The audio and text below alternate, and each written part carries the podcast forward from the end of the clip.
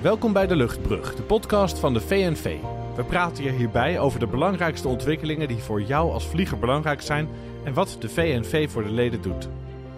Mijn naam is Matthijs Holtrop en mijn co-host is Peter Westeneng, bestuurder arbeidsvoorwaardelijke zaken. En onze gast is Koen George, vicepresident van de VNV beroepsinhoudelijke zaken. In deze eerste aflevering gaan we het hebben over twee grote onderwerpen: de arbeidsvoorwaarden van de KLM-instructeurs en de Reduced Crew Operations, de RCO, waar je vast ook al meer van hebt gehoord via ons of zelfs via de media. Daarover straks meer. Maar eerst Koen, praat ons even bij. Waarom zijn twee vliegers voor vliegtuigbouwers niet vanzelfsprekend? En wij vinden dat uh, wel vanzelfsprekend dat het geval is. Alleen er zijn ontwikkelingen gaande met grote voortrekken van Airbus en de private jetbouwer Dassault om te gaan naar maar één piloot in de cockpit. Voor ons blijft er als een paal boven water staan dat twee piloten in de cockpit veiliger is. Alleen zij zeggen, nou, wij kunnen die één van die twee piloten kunnen wij wel vervangen door technologie. En wij zien de technologie graag tegemoet, vinden we hartstikke goed en hartstikke fijn. Maar wij denken nog steeds dat de combinatie van die toegevoegde technologie met twee piloten in de cockpit het allerveiligst is. Peter, hoe is het zover gekomen dat dit plan op tafel ligt? Er kan maar één doel achter zitten en dat is het besparen van kosten. Is natuurlijk interessant voor uh, luchtvaartmaatschappijen. Combinatie met een wereldwijd pilotentekort dat dreigt. En dit zou een ideale manier zijn om dat, uh, dat vliegertekort te lijf te kunnen gaan. Wat je ook ziet, hè, is die strijd tussen Airbus en Boeing, die is altijd gaande. Hè? De, de MAX is gekomen omdat Airbus al de Neo had ontwikkeld. En hier probeert Airbus opnieuw een commerciële voorsprong te pakken op, op Boeing. Kijk, dat Airbus dat wil, eh, daar zijn we niet eens zo verbaasd over. Maar het gaat erom, is dat er nu al vanuit EASA een BIS, een Best Intervention Strategy, uit is gegaan.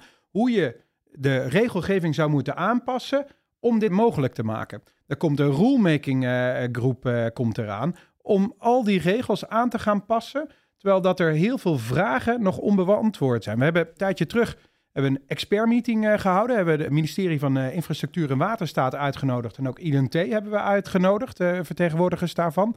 Maar we hebben daar ook de luchtvaartpsychologen en luchtvaartmedici uitgenodigd. En die kwamen met heel veel vragen waar nog gewoon geen antwoord op is. Zoals? Ja, wat doet het met de psyche van de mens om meerdere uren achter elkaar de taak in je eentje uit te voeren? Want ja, uiteindelijk zitten we met z'n tweeën in de cockpit om allebei die taak uit te voeren. Maar probeer je elkaar ook scherp te houden, wakker eh, te houden. Er vindt ook een bepaalde kennisoverdracht plaats tijdens dat soort momenten. Niet altijd hoor. Uh, in ieder geval niet op vliegtechnisch uh, vlak altijd. Niet, niet, op elk moment. Nee, maar... zeker niet op elk moment. Maar er wordt wel voor gezorgd dat je die taak van monitoren wel ook echt op de goede, juiste manier kunt uitvoeren. En daar is bijvoorbeeld nog heel weinig onderzoek naar gedaan. Ander onderzoek is, wat is de waakzaamheid die je nog steeds hebt als je weet, als er een noodgeval komt, word ik geroepen om uh, naar voren te gaan en te assisteren alsnog. Daar is dan de rust die je dan op dat moment krijgt ook daadwerkelijk net zo effectief als de rust als je met drie vliegers uh, vliegt en er alsnog twee piloten voor in de En dat je zeker weet dat je die rust hebt en dat je ja, rustig kan slapen. Exact. Dat ja. zijn vragen die dus onbeantwoord zijn en voorlopig ook onbeantwoord blijven, omdat er geen onderzoek naar gedaan uh, wordt. Peter, jij kan ook uit ervaring spreken. In hoeverre speelt de menselijke maat een factor in het vliegen? Vliegers zitten daar met z'n tweeën voorin, omdat niet alleen het vliegtuig zo ontworpen is om in gezamenlijkheid gevlogen te worden, maar ook om elkaar in de gaten te houden en te challengen. Voornamelijk bij failure management komt het best regelmatig voor dat een failure complex van aard is en dat het echt eventjes goed kijken naar wat de juiste oplossing is. En het is altijd goed om daar met z'n tweeën te zitten, zodat je daar, elkaar daarop kunt challengen. Van hey, even een kritische vraag stellen. Ben je niet het verkeerde spoor aan het opgaan? Maar de mens kan ook juist fouten maken. Wat je natuurlijk ook wel vaker hoort, is ja, maar altijd als air crash investigation kijk, heel vaak is human error een van de factoren.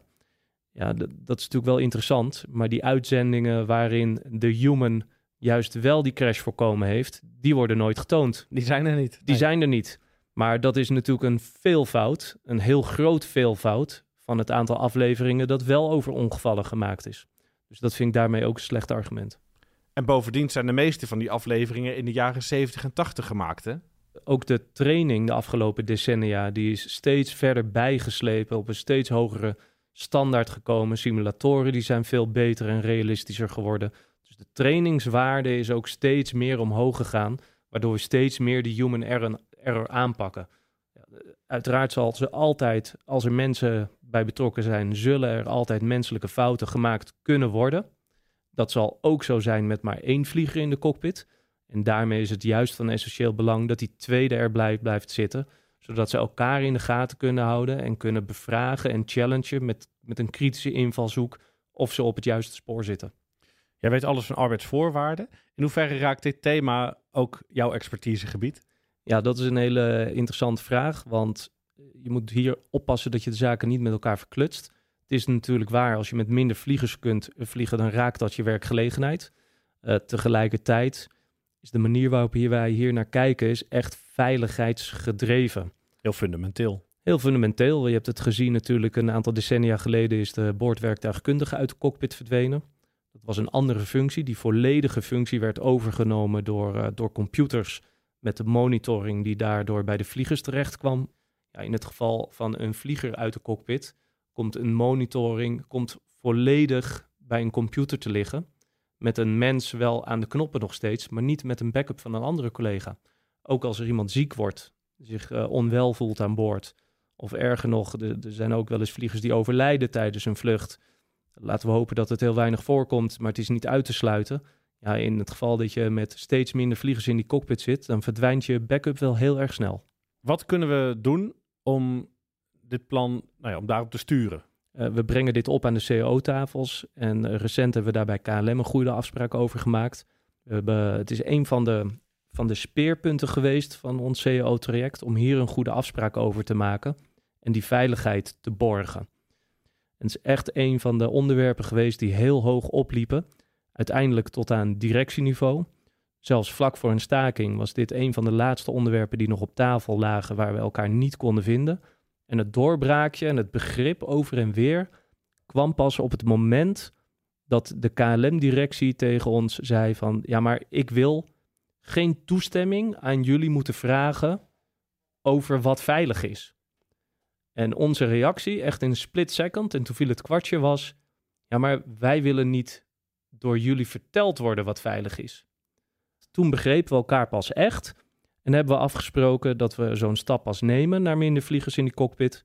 Op het moment dat we er allebei ervan overtuigd zijn dat het op een manier kan die niet afdoet aan de veiligheid. Dan is er ook nog een actie voor het publiek uh, geweest. Uh, waarom was dat, Koen? We hebben dus gepoogd om met die actie het publiek in te schakelen om in actie te komen tegen deze plannen die marchanderen met de veiligheid. Dus het is echt het activeren en het informeren van de Nederlander.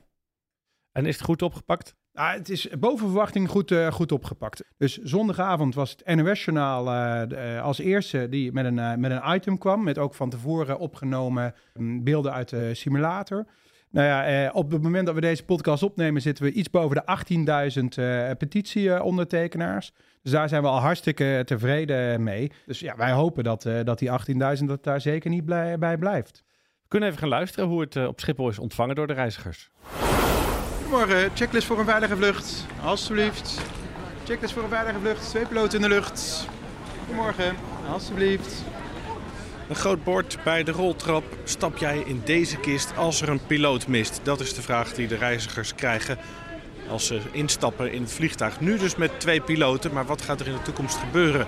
Mag ik uw aandacht vragen voor veilig vliegen ook in de toekomst? Alle reizigers krijgen een flyer met daarop de oproep om te tekenen voor ikwilveiligvliegen.nl. Ze zijn van plan om één piloot uit de cockpit te halen over een aantal jaar. En wij denken dat dat de vliegveiligheid niet ten goede komt.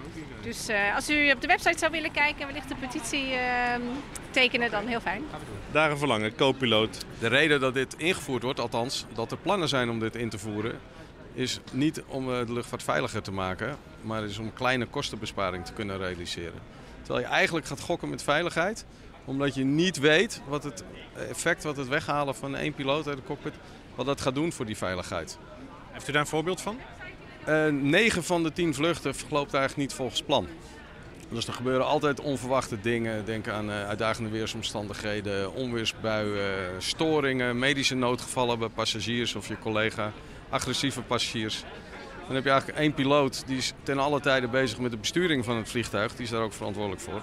En de andere piloot heb je nodig om het probleem op te lossen, de procedures, de communicatie, et cetera. En tegelijkertijd ben je altijd samen weer bezig om het te evalueren, de situatie, en te bepalen wat de volgstappen zijn. Heeft u wel eens iets meegemaakt? Nou, ik heb wel eens een motorstoring meegemaakt. En dan ben je wel heel erg blij dat je daar niet in je eentje zit, maar dat een collega naast je zit om je te helpen. Wat gebeurt er dan? De werkdruk wordt hoog, want ten eerste moet je de motorstoring zelf opvangen. Je moet het vliegtuig moet je besturen, je moet de automatische piloot moet je programmeren. Je moet de noodprocedures uit gaan voeren, je moet gaan communiceren, je moet een plan gaan maken. Waar ga ik heen? Ga ik doorvliegen of niet? Enorm veel taken die dan uitgevoerd moeten worden. Twee piloten altijd in de cockpit. Ja, nee, ik zal het lezen. Ja, het lijkt mij niet handig. Nee, nee, nee, dat zal wel met kostenbeperking te maken hebben, maar eh, het lijkt me niet veiliger. Nee. Maar ja, goed, ik zie niks in de cockpit, dus ik weet niet wie er zit en of er überhaupt iemand zit. Nee, dat lijkt me een goede campagne. Ik denk dat de prijzen van vliegtickets gewoon omhoog moeten. Nou, Is het niet alleen vanwege duurzaamheid, maar ook vanwege dit soort dingen. Een compromis lijkt me niet goed. Veiligheid niet, nergens op. Nee. En deze ontwikkelingen worden door toezichthouder en fabrikanten samen ontwikkeld. Ja, geldt voor bewustwording. Want dat was ik niet en nu ben ik het wel. Ja, hey, dankjewel. Hartelijk dank. Oké, succes. Hoi, hoi. Ieder gesprekje begon ik eigenlijk met: Goedemorgen, gaat u vliegen? Wat ik heel erg merkte is toen ik als, het door wilde lopen en ik maakte de opmerking: Ik maak mij zorgen om uw veiligheid, werd pas ingehouden. Kreeg ik oogcontact. Oh, u bent piloot? Ik zeg ja, maakt u geen zorgen, niet voor uw veiligheid vandaag, maar wel in de toekomst. Want ze willen een piloot uit de cockpit halen. En echt op, nou, ik heb een paar honderd mensen gesproken. Op, ik denk, twee mensen na, was iedereen het met me eens. Een enkeling begon over onze arbeidsvoorwaarden, die al goed genoeg zijn. Kan dan wel piloot af. Dat doet dan niks met mijn arbeidsvoorwaarden. Integendeel, die eh, zullen eerder beter worden dan slechter als ik nog mee in mijn eentje zit. Maar eh, daar gaat het niet om. We zitten echt niet voor arbeidsvoorwaarden. Het zit op veiligheid. Thomas die stond naast mij ook te flyeren. En er was een passagier die reageerde letterlijk naar hem. Ja, ik vind geen probleem. Ja, maar meneer, als er iets gebeurt en we zitten er voor veiligheid, eh, dan zet je hem toch gewoon op de vluchtstrook. Ja, ik heb hem nog niet gevonden in de lucht. Stel, die piloot zit daar dan in zijn eentje in die cockpit. Hoe moet ik me dat in de praktijk voorstellen? Wat kan er gebeuren? Ja, ehm, je zit dus op, eh op flight level 350 en eh, je zit in je eentje voorin. Je krijgt een motorbrand. Dan moet je zorgen dat je zelf die eh, motorbrand eh, uitkrijgt. Je moet de purser informeren. Je moet de passagiers informeren. Je moet gaan zakken. Eh, je moet het weer allemaal in de omgeving gaan, gaan ophalen. Je moet je checklisten lezen. Allemaal zelf, hè?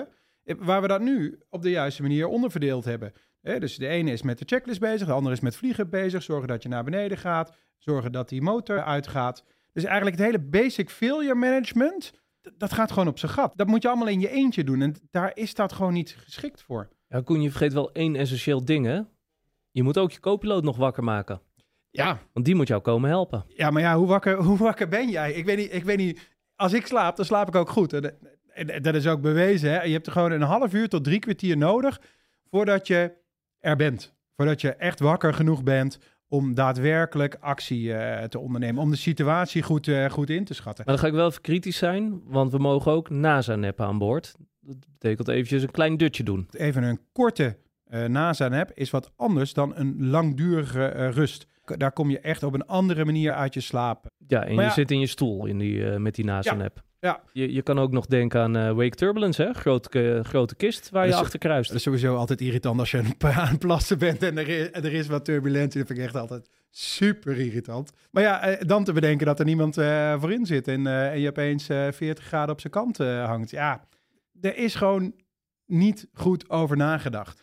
Daarom is het ook goed dat er in die rulemaking groep die, die er bij EASA gaat, gaat plaatsvinden, dat daar vanuit IVALPA ook eh, twee vliegers eh, bij aansluiten. We hebben ook eh, zowel het ministerie van INW als INT gevraagd. Als Nederland is best kritisch namelijk op, op RCO-gebied, de Nederlandse overheid. Om dan ook bij EASA erop aan te dringen dat die luchtvaartpsychologen en die luchtvaartmedici, die ook met dit soort vraagstukken hebben, als we het net hadden over, over plassen, die ook met dat soort dingen komen, die dat daar in die rulemaking groep ook ter discussie eh, stellen. Wat doen andere landen op dit dossier?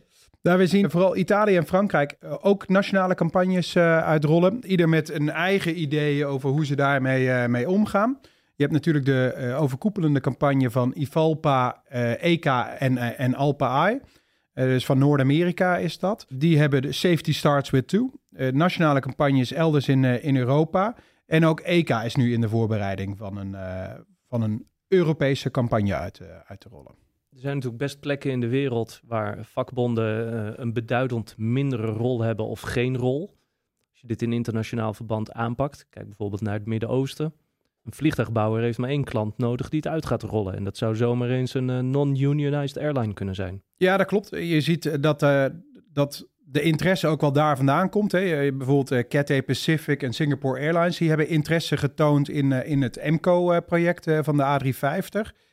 En je ziet dat ja, die vliegers daar eigenlijk een beetje als, nou, ik wil niet zeggen makkelammetjes, maar het, het wel maar laten gebeuren. In plaats van dat ze er eh, tegen in, eh, in actie komen. We hebben nu focus voor onze eigen campagne.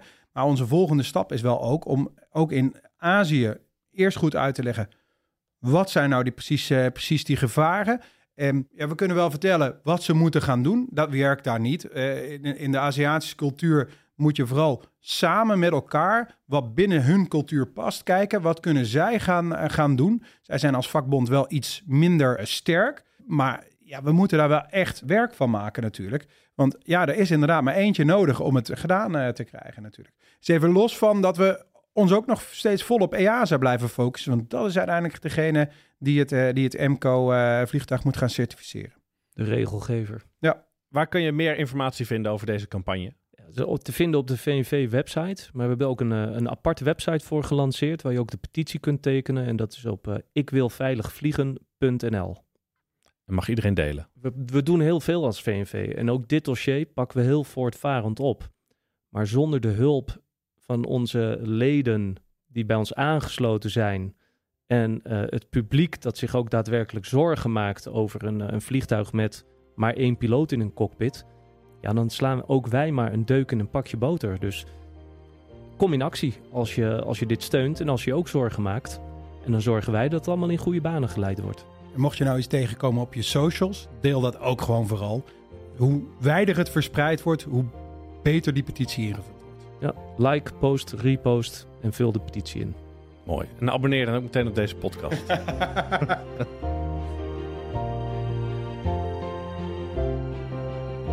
Ron Donkersloot is aangeschoven, lid van de bestuursafdeling KLM-zaken. En we gaan het hebben over de KLM-instructeurs. Wat is eigenlijk de aanleiding om het hierover te hebben? Nou ja, we hebben een periode gehad waarin we een hoop klachten kregen van de instructeuren. Misschien niet direct bij ons binnen het gebouw, binnen, bij de VNV. Uh, maar je hoorde het wel in de wandelgangen. Er moest wat gebeuren. Er moest wat gebeuren. Het, het vak moet weer leuk worden. En dat mist hij heel erg. Het, het werd niet uitgestraald in de gebouwen. Uh, wij kregen dat hier niet binnen. En, en dat moet het doel weer zijn. Het is een leuk vak. Het is, het, is, het is leuk om daarmee bezig te zijn. Het is leuk om mensen op te leiden. Het is leuk om mensen enthousiast te maken voor het vliegtuigtype, voor de, de procedures, alles wat om dat vliegtuig heen hangt, uh, de route. Het vak. Het vak. Ja. Er spelen twee grote zaken: een tekort aan instructeurs en problemen bij de Embraer E295. Wat betekenen deze kwesties? Nou ja, een tekort aan instructeurs is voor een maatschappij natuurlijk sowieso uh, vervelend. Uh, een instructeur hebben we niet alleen nodig voor opleidingen van, van vliegers, maar ook vooral het current blijven van, van onze vliegers. En op dit moment, ja, de ontwikkelingen binnen ons bedrijf met heel veel opleidingen, heel veel aannames en daarbij een tekort aan instructeurs, zie je dat, dat de doorstroming op dit moment in het geding komt. Kan je die problemen schetsen op de korte en de lange termijn? Op de korte termijn zie je dat indelingen uh, geraakt worden. Omdat indelingen geraakt worden, worden vliegers geraakt in privé situaties. Op korte termijn ook opleidingen die niet doorgaan, waarin een doorstroom, een carrièrepad die mensen voor ogen hadden, toch wat anders loopt dan, uh, dan gepland. En waarin je dan op de lange termijn uh, ja, het eigenlijk bedrijfstechnisch gaat zien. Hè? Dat op dit moment een 777, 787, zeker in de first officer positie, slecht bemand is. En dat dat ook nog wel een tijdje gaat duren voordat uh, iedereen op zijn plekje gaat zitten. Als je de klok nog iets verder terugspoelt, dan zie je het afgelopen decennium af en aan zijn er problemen geweest met instructeurs. Uh, boze instructeurs, tekort aan instructeurs, een HPO-organisatie die uitgerold werd, een reorganisatie. HPO staat voor High Performance Organisatie. Daarbij werden ook de, de voorwaarden, waaronder instructeurs, ook de betaling werden op de schop gegooid. Kon niet op applaus rekenen. Een groep instructeurs die dreigde op te stappen. Er werd een aanpassing gedaan. Het is allemaal rommelig geweest. En uh, uiteindelijk hebben we toen een stap genomen, inderdaad, zoals Ron zegt, in 2018, om de instructeurs te gaan vertegenwoordigen in de CO. Uh, we hebben toen nog niet meteen de instructeursvoorwaarden in de CO geschreven, expliciet niet zelfs. Mocht ook geen kostenverhoging mee gemoeid zijn, maar we gingen ze wel vertegenwoordigen. En dat leidde al tot, uh, tot een aantal verbeteringen die we vlak voor corona aan het uitrollen waren. Zoals het, het vier om drie werken als instructeur op Europa. Er waren nog situaties waarbij je op Europa uh, 5 om 2 instructie kon geven, waar een reguliere vlieger 4 om 3 vliegt en de belasting juist voor een instructeur hoog is. Dat hebben we allemaal gelijk getrokken en gestroomlijnd. Uh, en we hadden een aantal andere stippen op de horizon gezet om, om te gaan verbeteren. En toen kwam corona, heeft het lang stilgelegen. En ik denk uh, juist de instructeur, die heeft tijdens de coronacrisis veel voor zijn kiezen gehad. Niet alleen de instructeur hoor, maar juist de instructeur. Want uh, ja, die moesten current blijven. Dus waar er in bepaalde divisies niet gevlogen werd, vlogen de instructeurs wel. Want die had je nodig om weer op te mannen op het moment dat het aan zou trekken. En op de 777 vloog natuurlijk wel iedereen. Maar de belasting van de instructeurs die was al hoog en die bleef hoog.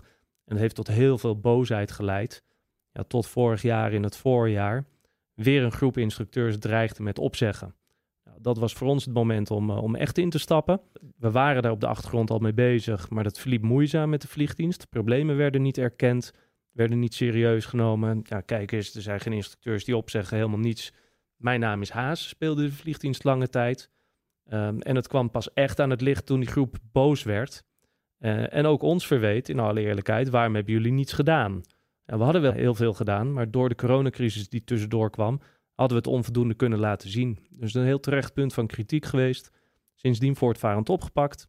Goede afspraken gemaakt in de CAO. Wel met een aantal uitwerkingsdingen nog, die moeten nog gebeuren. Maar de eerste stappen werden gezet. En uh, ja, daar moeten we nu vooral op doorpakken. En het gesprek over aan blijven gaan met de instructeurs om te zien of, of we op de goede weg zijn. En vooral Ron, die, uh, die voert daar goede klankbordsessies uh, voor met de instructeurs.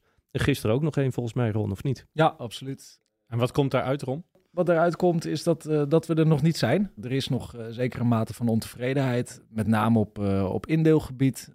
Je ziet dat, dat het wel een hoop goed heeft gedaan wat we hebben afgesproken. Leuk om te vermelden is dat, dat eigenlijk alle instructeurs wel zeggen dat het in hun sim-sessies, maar ook onderling, steeds meer over het vak van de instructeur gaat. In plaats van dat het gaat over, over de problemen waar ze tegenaan lopen.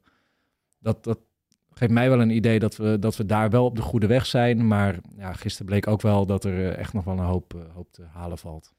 Waarom het ook zo belangrijk is dat we ons inspannen voor die instructeurs en hun voorwaarden. Er ligt een ongelofelijke opleidingsuitdaging voor KLM. We hebben een vliegertekort. We krijgen dat niet rondgebreid.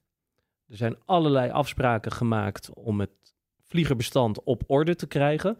Maar dat lukt niet zonder instructeurs. Het huidige korps is gewoon te klein, moet opgemand worden. Alleen op die manier kunnen we die ongelofelijke opleidingsvraag aan. En hebben we gewoon gemotiveerde en enthousiaste instructeurs voor nodig. Wat zijn die, die aantallen daarin, uh, Peter? Wat, wat, waar moeten we aan denken? Uh... Ja, het gaat echt om honderden vliegers die opgeleid worden de komende jaren. Uh, de schattingen lopen uiteen tussen de 400 en de 600 in de komende paar jaar. Aan nieuwe vliegers? Aan nieuwe vliegers. De omscholingstrein die moet op volle snelheid komen. Waar we voor de coronacrisis met hangen en wurgen 14 opleidingen konden doen, zie je ons nu op ongeveer 11 opleidingen steken. Maar het moet opgehoogd worden. Op de 777 heb ik het over. Dat moet omhoog naar uh, richting de 20 TQ's per maand. Ja, dat is ongelooflijk veel. Daar hebben we te weinig instructeurs voor. Met hebben name we harde afspraken over gemaakt? Harde afspraken over gemaakt. Die moeten waargemaakt worden. Maar dat lukt echt alleen met voldoende instructeurs. En daarom is het zo belangrijk dat we ons uh, voor hun voorwaarden inzetten, zodat het instructievak weer aantrekkelijk genoeg is voor vliegers om daar hun steentje aan bij te dragen. Nou, je schetst een enorme uitdaging. Gaat het ook lukken? Ja, dat is een goede vraag. In ieder geval wordt alles op alles gezet en proberen wij ons daar keihard voor in te spatten voor zowel de vliegers als de instructeurs. Heel belangrijk. KLM is degene die het uiteindelijk moet uitvoeren. Om je een voorbeeld te geven, één gezag voor de ICA opleiden, dat genereert een heel spoor aan andere opleidingen in de rest van het, uh, van het functiehuis. Zes tot wel zes opleidingen. Dus één gezag voor de ICA opleiden, dat genereert tot wel zes omscholingen door de hele RVL heen. Ja, dat is ongelooflijk veel werk, ongelooflijk veel omscholingen. Ja, en KLM moet dat wel waar gaan maken. Waar zit dan de grootste uitdaging? We zien uh, zeker bij KLC een hele grote uitdaging. De verwachting is dat daar uh, eigenlijk iedere drie jaar een volledig nieuwe cockpit zit. En dat, dat betekent niet dat iedereen daar weg is, maar dat betekent dat de captains zijn doorgestroomd naar ICA of naar uh, Captain Europa. De co-piloten zitten links en er zijn volledig nieuwe co-piloten. En dat, dat iedere drie jaar. Ja, er is nog een hoop werk te doen. Wat is er tot nu toe wel concreet afgesproken met KLM?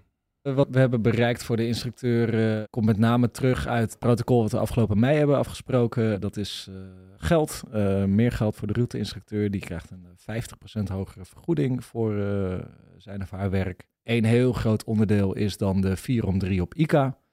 Hebben we lang, lang voor gestreden. gelukkig hebben we daar afgelopen jaar voldoende tractie voor gekregen. De, de instructeurskorps is gewoon de backbone van de KLM vliegdienst om te vermelden voor de gewone vlieger. Hè? Want wat heeft, wat heeft de gewone vlieger hier aan? Is dat één, uh, een, een tevreden instructeur, wat natuurlijk al heel makkelijk is, is dat je je, je training gewoon een stuk positiever verloopt. Een, een ander deel is, uh, ja, we hebben gewoon instructeurs nodig. Uh, ondanks dat je dat in je normale vliegperiode buiten je trainingen niet nodig hebt, heb je dat wel gewoon nodig voor je opleidingen, voor je, je currency. En ja, zonder een instructeur loopt de hele RVL vast. Uh, je maakt geen promoties. Uh, we hebben ze gewoon heel hard nodig. En, en daarom is het heel goed dat wij verbeteringen en, en goede verbeteringen kunnen afspreken voor, uh, voor deze groep. Ja. Wat gaan de instructeurs merken van de nieuwe afspraken? Ja, ze merken het al. Ja. We en je bent zelf ook instructeur? Dus, Ja, klopt. Ik, ik, doe het niet zoveel als een reguliere instructeur, omdat ik hier natuurlijk nog werk erbij doe. Maar ik, maar ik doe het wel. Uh, dus ik ervaar ook wat zij ervaren. Het is een hele andere orde van grootte dan bijvoorbeeld een 777-instructeur of een Cityhopper-instructeur die het echt razend druk heeft. Ik zit op de 737, daar is de werkdruk voor instructeurs al iets lager. En nogmaals, ik doe ook dit werk hier erbij. Maar we, hebben verbeteringen gemaakt in betaling, goede afspraken gemaakt over, uh, over werkdruk, maximaal 50%, tenzij je zelf toestaat dat het meer is, 50% instructie. Uh, bij Cityhopper gaat dat nog niet helemaal goed, maar daar zijn we ook mee aan het, uh, aan het werk om dat, uh, dat te krijgen. Ook daar zijn meer instructeurs voor nodig. Het verbeteren van de voorwaarden, dat helpt. En waar we nu heel erg mee bezig zijn, dat is inderdaad ook de aanpassing van de piketpalen. Die, die, die zitten gewoon jouw instructiewerkzaamheden, zitten jouw mogelijkheden in het verzoekensysteem in de weg. Ron met zijn team heel, hele goede afspraken over gemaakt dat die nu overschreven kunnen gaan worden, toch Ron? Ja, klopt. Er is al eerder een afspraak geweest die KLM gemaakt heeft met ons, waarin zij al 60 dagen voor dag van uitvoering uh, niet indeelden. Uh, dus de, de periode alleen maar instructie indeelde in de periode tussen dag van uitvoering en die 60 dagen. Ja, op dit moment is er een systeem gevonden waarin ja, die piketpalen wel gewoon het systeem in kunnen, dat de instructeur die ook ziet in crewbits, maar dat die uiteindelijk gewoon overschrijfbaar zijn. En ik denk dat dat zowel voor KLM, maar ook zeker de instructeur uh, echt wel een hoop verbetering brengt. En niet eens alleen de instructeur, ook gewoon de kandidaten die gewoon veel eerder weten waar ze aan toe zijn. Dus jouw instructiewerk zit de grip op jouw rooster niet langer in de weg. Dat is wat je daarmee zegt, exact, toch? Exact, ja. De instructie moet leuk zijn. Uh, instructie geven moet leuk zijn. Tuurlijk zitten daar nadelen aan.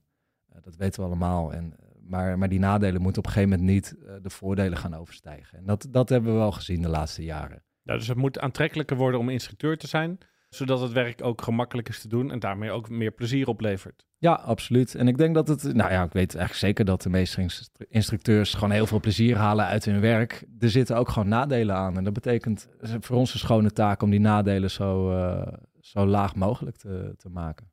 We gaan nu ook aan de slag met voordelen, toch Ron, begrijp ik? Want instructiereizen die zijn uh, niet aanvraagbaar voor normale vliegers. KLM haalt die uit het verzoekensysteem. Klopt, maar een instructeur ja. zou dat wel moeten aanvragen, toch? Ja, klopt. Zijn we ook al een tijdje mee bezig. Ja, het is gewoon een lang traject. Dat traject loopt via Jeppesen, dat is de, de bouwer van Crewbits. Ja, het is niet het allermakkelijkste bedrijf om afspraken mee te maken. Of misschien wel om afspraken mee te maken, maar niet om veranderingen mee door te voeren. Uh, ja, op dit moment zien wij dat KLM daar wel vrij ver is om ja, die ontrokken reizen wel weer aanvraagbaar te maken voor de instructeur in Crewbits. Uh, ja, dat brengt een hoop meer opties voor die instructeur om verzoekreizen te doen verzoekreizen die de reguliere vlieger niet kan doen, maar de instructeur wel. Welke termijn moeten we aan denken? Daar durf ik mijn vingers niet aan te branden. Maanden, Ehm, kwartalen? ja, jaar? we, we, we, eh, we betichten wel eens KLM van de opmerking eh, eerder eh, weken dan maanden, dat dat vaak eerder maanden dan weken is. Maar ik denk dat we hier wel moeten denken aan eerder weken dan maanden. Er zit een volgordelijkheid in, in wat KLM nu aan het inbouwen is in crewbits. Eh, dat is eerst de senioriteitscorrectie en klikken week 5-6. Eh senioriteitscorrectie staat nu voor 20 februari gepland. In het kielzog komt we klikken week 5-6 en daarachteraan eh deze instructeursverbeteringen Kan snel gaan, afhankelijk van Jeppesen en KLM. en KLM. Ja, er zijn toch meerdere spelers eh, in dit spel. Wat levert dat uiteindelijk dan concreet op? Eh, het levert concreet op dat de instructeur geeft hem een groter palet aan vluchten waar hij een verzoek op kan doen. Ja, dat, dat zijn instructievluchten, dat, eh, dat beseffen we ons ook. Hè. Dat zijn, eh, levert misschien wel die ene Bangkok op die toevallig wel in jouw indeling past. Hey Ron, en hoe gaat dat eruit zien in de praktijk? Komt er een aparte verzoekenteller voor instructeurs? Nou, dat is op dit moment nog eh, punt van discussie. Ieder verzoek die gedaan wordt in het systeem, legt het systeem vast. Daarom hebben we met z'n allen afgesproken dat er een maximum aantal verzoeken is per vlieger, eh, om het systeem enige mate van flexibiliteit te geven. De instructeur die kan gaan bieden op vluchten die helemaal niet beschikbaar zijn voor de reguliere vlieger. Op dit moment wordt het systeem zo ingericht dat dat een verzoek gaat kosten. Eh, maar daar eh, zijn we nog niet over uitgesproken. We hebben daar uitgebreid met de instructeurs over gesproken in de klankbordgroep. We spreken erover in de ledenraad. We hebben tijdens behandeling destijds van het protocol het erover gehad. En ook op voortouw van een aantal instructeurs in de ledenraad gaan wij dit ook gewoon in de ledenraad neerleggen. Want uiteindelijk eh, vinden wij dat de leden hier ja, hun mening over moeten gaan geven. En hoe dat uiteindelijk eh, die discussie in de raad gaat, eh, ja, dat, dat moeten we dan nog zien. Dus ik, eh, ja, ik ben erg benieuwd naar hoe dat, hoe dat gaat. Ja, want we gaan het opschrijven in de CEO. En daarmee zeg jij, het moet langs de ledenraad. Ja, absoluut. Dat is eh, uiteindelijk de, de route die we altijd moeten belopen. En ik denk dat, ja, zeker voor dit soort zaken als eh verzoekenregelingen, wat iedereen ook wel echt privé raakt, de instructeur, maar ook zeker de reguliere vlieger, eh, waar we echt heel, ons heel hard voor hebben gemaakt. Dat kan niet anders dan dat de raad hierover een eh, finale zegje zal doen. Ja, hou je piloten dichtbij en je instructeurs eh, nog dichterbij. Absoluut. Ja, zeker. Als je vragen hebt als instructeur of als vlieger over dit onderwerp, waar kan je naartoe? Allereerst zijn wij eh, gewoon aanspreekbaar en bereikbaar natuurlijk in onze vliegende functie. De klankbordgroep probeert zelf ook informatie te halen bij de collega-instructeurs. Wij zijn op de bestuursafdeling ook bereikbaar via ons reguliere e-mailadres, maar we hebben ook zeker voor de instructeur hebben wij het e-mailadres klm-instructie.vnv.nl. En daarbij eh, is het ook nog steeds mogelijk om eh, in je profiel op de VNV-website aan te geven dat je instructeur bent, of in ieder geval graag nieuws voor instructeurs wil ontvangen. En dan eh, ontvang je alle KLM-instructeur-mails die wij versturen vanuit onze afdeling. Tot zover deze aflevering. Wil je reageren op de podcast? Stuur dan een mailtje naar podcast.vnv.nl.